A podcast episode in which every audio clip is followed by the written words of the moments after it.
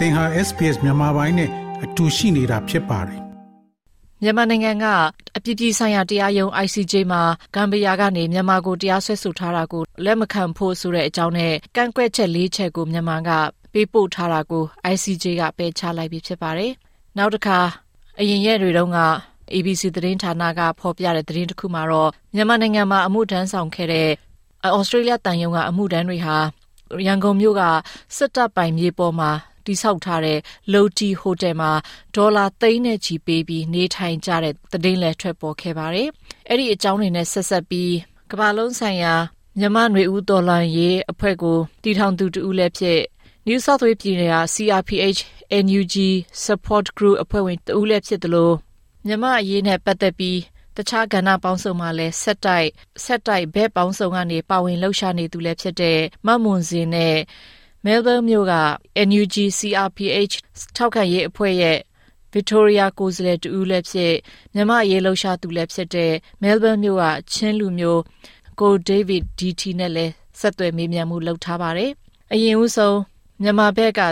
တင်ပြတဲ့ကနဦးကန့်ကွက်ချက်၄ချက်ကို ICJ ကပယ်ချလိုက်တဲ့ကိစ္စနဲ့ပတ်သက်ပြီးမမွန်စင်ကအခုလိုပြောပြထားပါတယ်။အားရမှုရှိပါတယ်ဒါပေမဲ့ဒီဟာကပေါ့နော်ဟို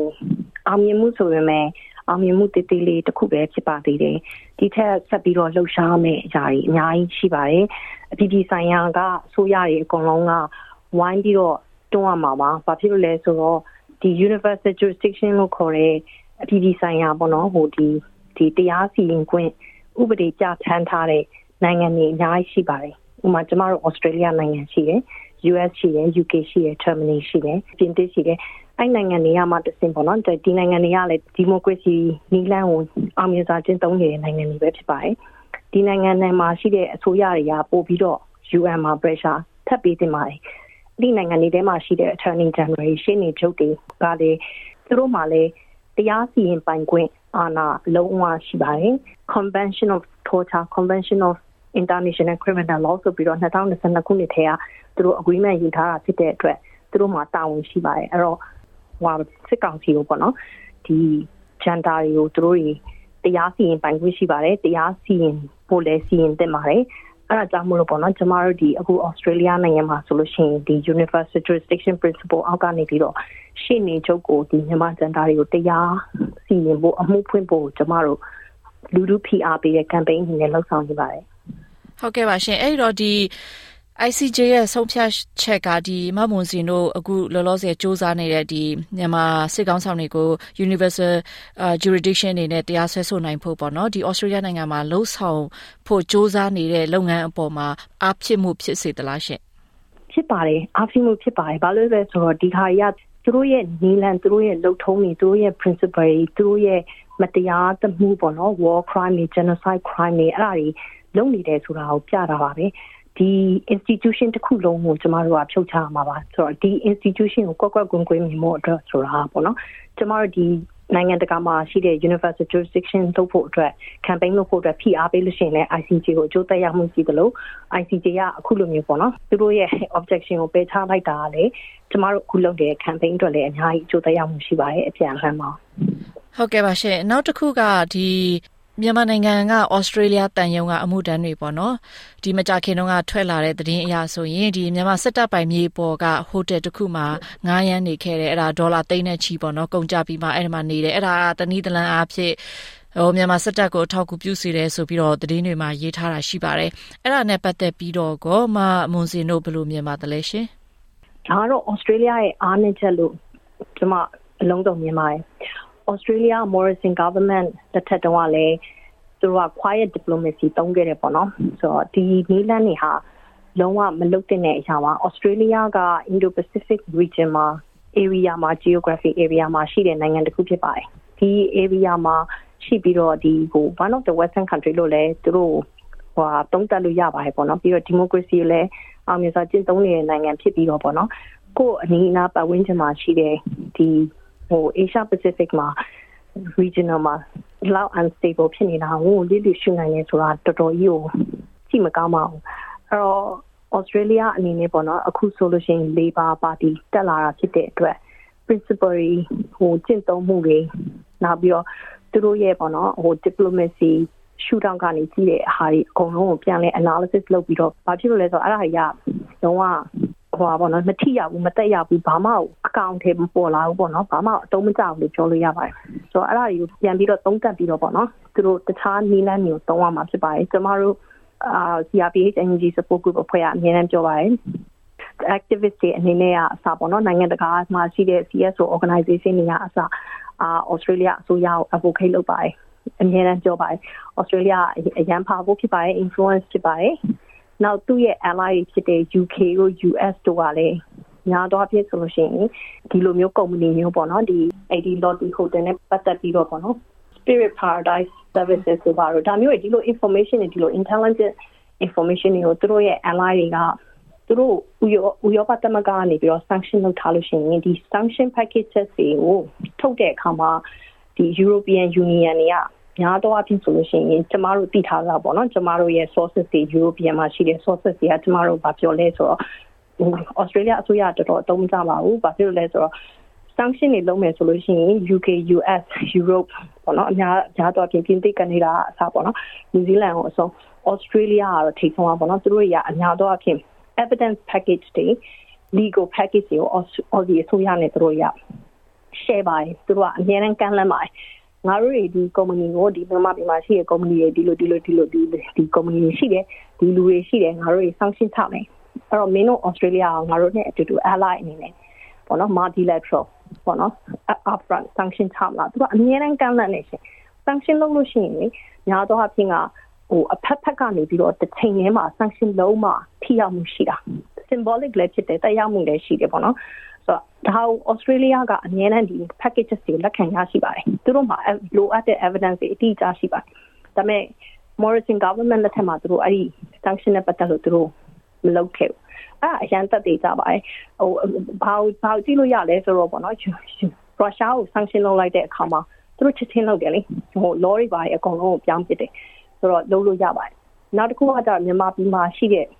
autonomous function bill on Myanmar ဆိုပြီးတော့ Australia မှာရှိပါတယ်အဲ autonomous function bill on Myanmar ကိုသူတို့ရဒီဇင်ဘာလမှာပြန်ပြီးတော့ပြင်ထားပါတယ်အဲဒီဇင်ဘာလပြင်ထားပြီးတော့အဲ January လမှာလည်းသူတို့အကုန်လုံး ဟိုပေါ့နော်ဟိုသူတို့ parliament ကနေ approve ဖြစ်သွားဖြစ်သွားပါပြီအဲ့တော့ဒီ Australia ကဒါ sanction ချမယ်ဆိုလို့ရှိရင်အချိန်ကြီးချလို့ရပါတယ် state owned enterprise company တွေလည်းချလို့ရအရင်တော့ကတော့လုပ်လို့မရဘူးလို့ပြောရဲသူတို့ရဲ့ဥပဒေကအခုသူတို့လုပ်ချင်လို့ရှိရင်လုပ်လို့ရအားလုံးကအဆင်တင်ပါပဲအဲ့တော့ labor government အနေနဲ့ step up လုပ်ရပါမယ် labor government အနေနဲ့ Australia powerful ဖြစ်တဲ့အတိုင်းသူတို့ကလည်း majority government ဖြစ်ပါတယ်နော် landslide နဲ့နိုင်ထားတာဖြစ်တဲ့အတွက်သူတို့အာဏာရပြီးတဲ့ ပေါ့နော်အနည်းဆုံးရက်တရာအတွင်းမှာတော့မြန်မာပြည်ထဲမှာရှိတဲ့ကုမ္ပဏီတွေကို sanction ချရပါမယ်ဒါမှသာဒီလိုမျိုးပြဿနာမျိုးမဖြစ်နိုင်ပါဘောနော်ဒီလိုဟိုတယ်တွေမှာပေါ့နော်ဟိုငါးသိန်းတော့သူတို့သွားတုံးထားတယ်ဘာဘာတွေများလောက်ကြလဲကျမလည်းမသိပါဘူးပေါ့နော်အကယ်၍ကျမတို့ကဒေါ်လာကိုဟိုပါပေါ့နော်ဒီသူတို့တုံးထားတဲ့ကုန်ကြစည်ကိုသာပြန်ပြီးတော့ဥမာထားပါတော့ပေါ့နော် black market မှာစီဇန်တတောင်းကိုနှစ်ချက်ဒါမှမဟုတ်တစ်ချက်ခွဲပေါ့နော်ရှိမယ်ဆိုလို့ရှိရင်သူတို့တွေက မြန်မာအစိုးရကိုသူတို့တွေကကြည်စံပေါင်း3သိန်းကျော်လောက်သူကတစ်ဖက်လမ်းကနေပြီးတော့ထောက်ပံ့နေတဲ့ပုံစံမျိုးပေါက်နေပါတယ်။နော်ဒီဒီခရိုနီတွေကနေပြီးတော့တောက်ရိုက်စစ်တပ်စီကိုတွားမဲ့ပတ်စံတွေလည်းဖြစ်ပါတယ်။အဲ့တော့ကျမတို့ဒီဩစတြေးလျမှာရှိတဲ့ပြည်သူတွေကကျမတို့တွေကရိုးသားစွာနဲ့ကျမတို့ကအလုပ်လုပ်ပြီးတော့အခွန်တွေဆောင်ထားတယ်ကျမတို့ရဲ့အခွန်ငွေတွေကိုဒီလောက်ကိုဗစ်တွေဖြစ်ဒီလောက်ခုတွေဖြစ်နေတဲ့ဂျားတွေကနေပြီးတော့သူတို့တွေကဒီလိုဟိုတယ်မှာ9သိန်းကျော်တုံးထားတယ်ဆိုတော့ကျမတကယ်ကိုစဉ်းစားလို့မရပါဘူးရှင်။ အဲအဲ့အတွက်လည်းကျမပြည်သူတရားဩစတြေးလျက non citizen တရားပြည်သူတရားအနေနဲ့ဒီကိစ္စကိုလုံးဝလုံးဝကန့်ကွက်ပါတယ်မကျေနပ်ပါဘူး။ဟုတ်ကဲ့ပါရှင်။အဲ့ဒီအကြောင်းလေးကျမဆက်ပြီးတော့ advocate လုပ်သွားမှာဖြစ်ပါတယ်။ဟို UJ ကို UJ ကိုကျမတို့ဒီ Australia ကိုပြင်သစ်မှာလည်းစနေပြီပေါ့နော်။ပြင်သစ်ကအကယ်၍တခြားနိုင်ငံတွေဖြစ်တဲ့ Germany တို့ဘာလို့ပါလာမယ်ဆိုလို့ရှိရင်ပေါ့နော်။နောက်ပြီးတော့ဒီ ICJ မှာလည်းဒီ ဒီစစ်ကောင်စီနဲ့ပတ်သက်ပြီးတော့ objection လုပ်လိုက်တာဖြစ်ရဲ့အကျိုးသက်ရောက်မှုပေါ့နော်အကျိုးသက်ရောက်မှုဖြစ်ရဲ့သုံးချက်ရှိပါတယ်တခုကတော့စစ်ကောင်စီရဲ့ credibility လုံးဝလုံးဝကျသွားတာဖြစ်ပါတယ်သူတို့ဘယ်လိုပြောမလဲသူတို့က criminal law အနေနဲ့အမှုစစ်ဆေးဖို့အတွက်အမှုဖွင့်ခံထားရတဲ့အတွက်ပေါ့နော်သူတို့ရဲ့အကောင့်တွေသူတို့ရဲ့အာ control လုပ်တဲ့အကောင့်တွေအကုန်လုံးက blacklist တွေကို ban နေအနေနဲ့ပေါ့နော် ban နေမှာအဲ့လို information ရှိပါတယ် blacklist တွေကိုသူတို့ရှောက်သွားမှာဖြစ်ပါတယ်နောက်တစ်ခုကတော့ energy recognition အတွက်ပို့ပြီးတော့နေတယ်ပေါ့နော်နောက်တစ်ခုကကြတော့အဲ့ဒီအမှုကိုတက်သွားတဲ့အတွက်သူတို့ fake election လုပ်ချင်တော့မှပဲဒီ fake election နဲ့ပတ်သက်ပြီးတော့သူတို့ရဲ့ credibility အရန်ကျသွားမယ်ပေါ့နော်အဲ့သုံးချက်ကိုကြည့်တင်အပြင်ဒီ universal jurisdiction ကိုကျမတို့ဆက်ပြီးတော့သွားသိပါတယ် symbolic ဖြစ်တဲ့အထင်ကြားရေးဆိုပေမဲ့ပေါ့နော် မှုစစ်ဆေးတဲ့အမှုဖွင့်နေဆိုလို့ရှိရင်ဟိုပဲကျမတို့အနေနဲ့မျိုးတော်နိုင်ရင်အတွက်အားသာချက်တစ်ခုလို့ပြောလို့ရပါတယ်ဟုတ်ကဲ့ပါရှင်မမွန်စင်အခုလိုမျိုးစိတ်ရှိလက်ရှိဖြစ်ကြပေးတဲ့အတွက်အများကြီးကျေးဇူးတင်ပါတယ်ရှင်အခုဆက်လက်ပြီးတော့ Melbourne မြို့က Melbourne မြို့ကကို David ကလည်း ICJ ရဲ့ဆုံးဖြတ်ချက်နဲ့ဆက်ဆက်ပြီးအခုလိုပြောပြထားပါတယ်အာအရန်အားရပါတယ်ဒါ congratulation မှာဘာကြောင့်လဲဆိုတော့ကျွန်တော်တို့မြန်မာနိုင်ငံပေါ်မှာ ပိတ်ဆို့အရေးယူပြီးမှနော်ဒီလိုမျိုးနိုင်ငံတကာရဲ့ဒီစီမင်းလမ်းကြောင်းပေါ်မှာမြန်မာစစ်အစိုးရလူသားမဆန်တဲ့ရက်ဆက်ကြမ်းကြုတ်မှုတွေကိုဒီနေ့ကမ်ဘီယာနိုင်ငံကတုတ်ပြန်လိုက်တဲ့သတင်းနဲ့ပတ်သက်ပြီးမှအရန်အားရစရာကောင်းပါတယ်။ဘာကြောင့်လဲဆိုတော့ဒီကမ်ဘီယာနိုင်ငံကမြန်မာနိုင်ငံရဲ့ဒီပြစ်မှုတွေကိုထင်ထင်ရှားရှားလက်ကင်ထားပုံရတာပေါ့နော်။ပြီးမှအခုလက်ရှိစစ်အစိုးရတွေကဒီအတင်းနဲ့ပတ်သက်ပြီးမှလည်းသူတို့ဘက်ကတုတ်ပြန်မှုတွေကလုံးဝရှုံးနေသွားတဲ့ဟာလဲကျွန်တော်တွေ့နေရတယ်မနေ့ကနော်ကျွန်တော်လည်း အဲ့ဒီသတင်းနဲ့ပတ်သက်ပြီးမှလည်းမြန်မာအရေးပေါ် ICJ ကမြန်မာနိုင်ငံအပေါ်မှာတရားစီရင်ခွင့်ရှိကြောင်းကိုလည်းဆုံးဖြတ်ချက်ချလိုက်တဲ့အကြောင်းပြည်ပြည်သားသားထင်ရှားသွားတဲ့အတွက်မြန်မာပြည်သူလူထုအတွက်လည်းအောင်မြင်မှုခြေလှမ်းပထမတစ်ခုဖြစ်တယ်လို့အာနောက်ဆုံးတစ်ခုကပါလဲဆိုတော့ဒီရိုဟင်ဂျာတွေအပေါ်မှာလည်းဒါအောင်မြင်မှုတစ်ခုရစီလို့တဲ့သတင်းကောင်းတစ်ခုလည်းဖြစ်ပါတယ်ပြီးမှ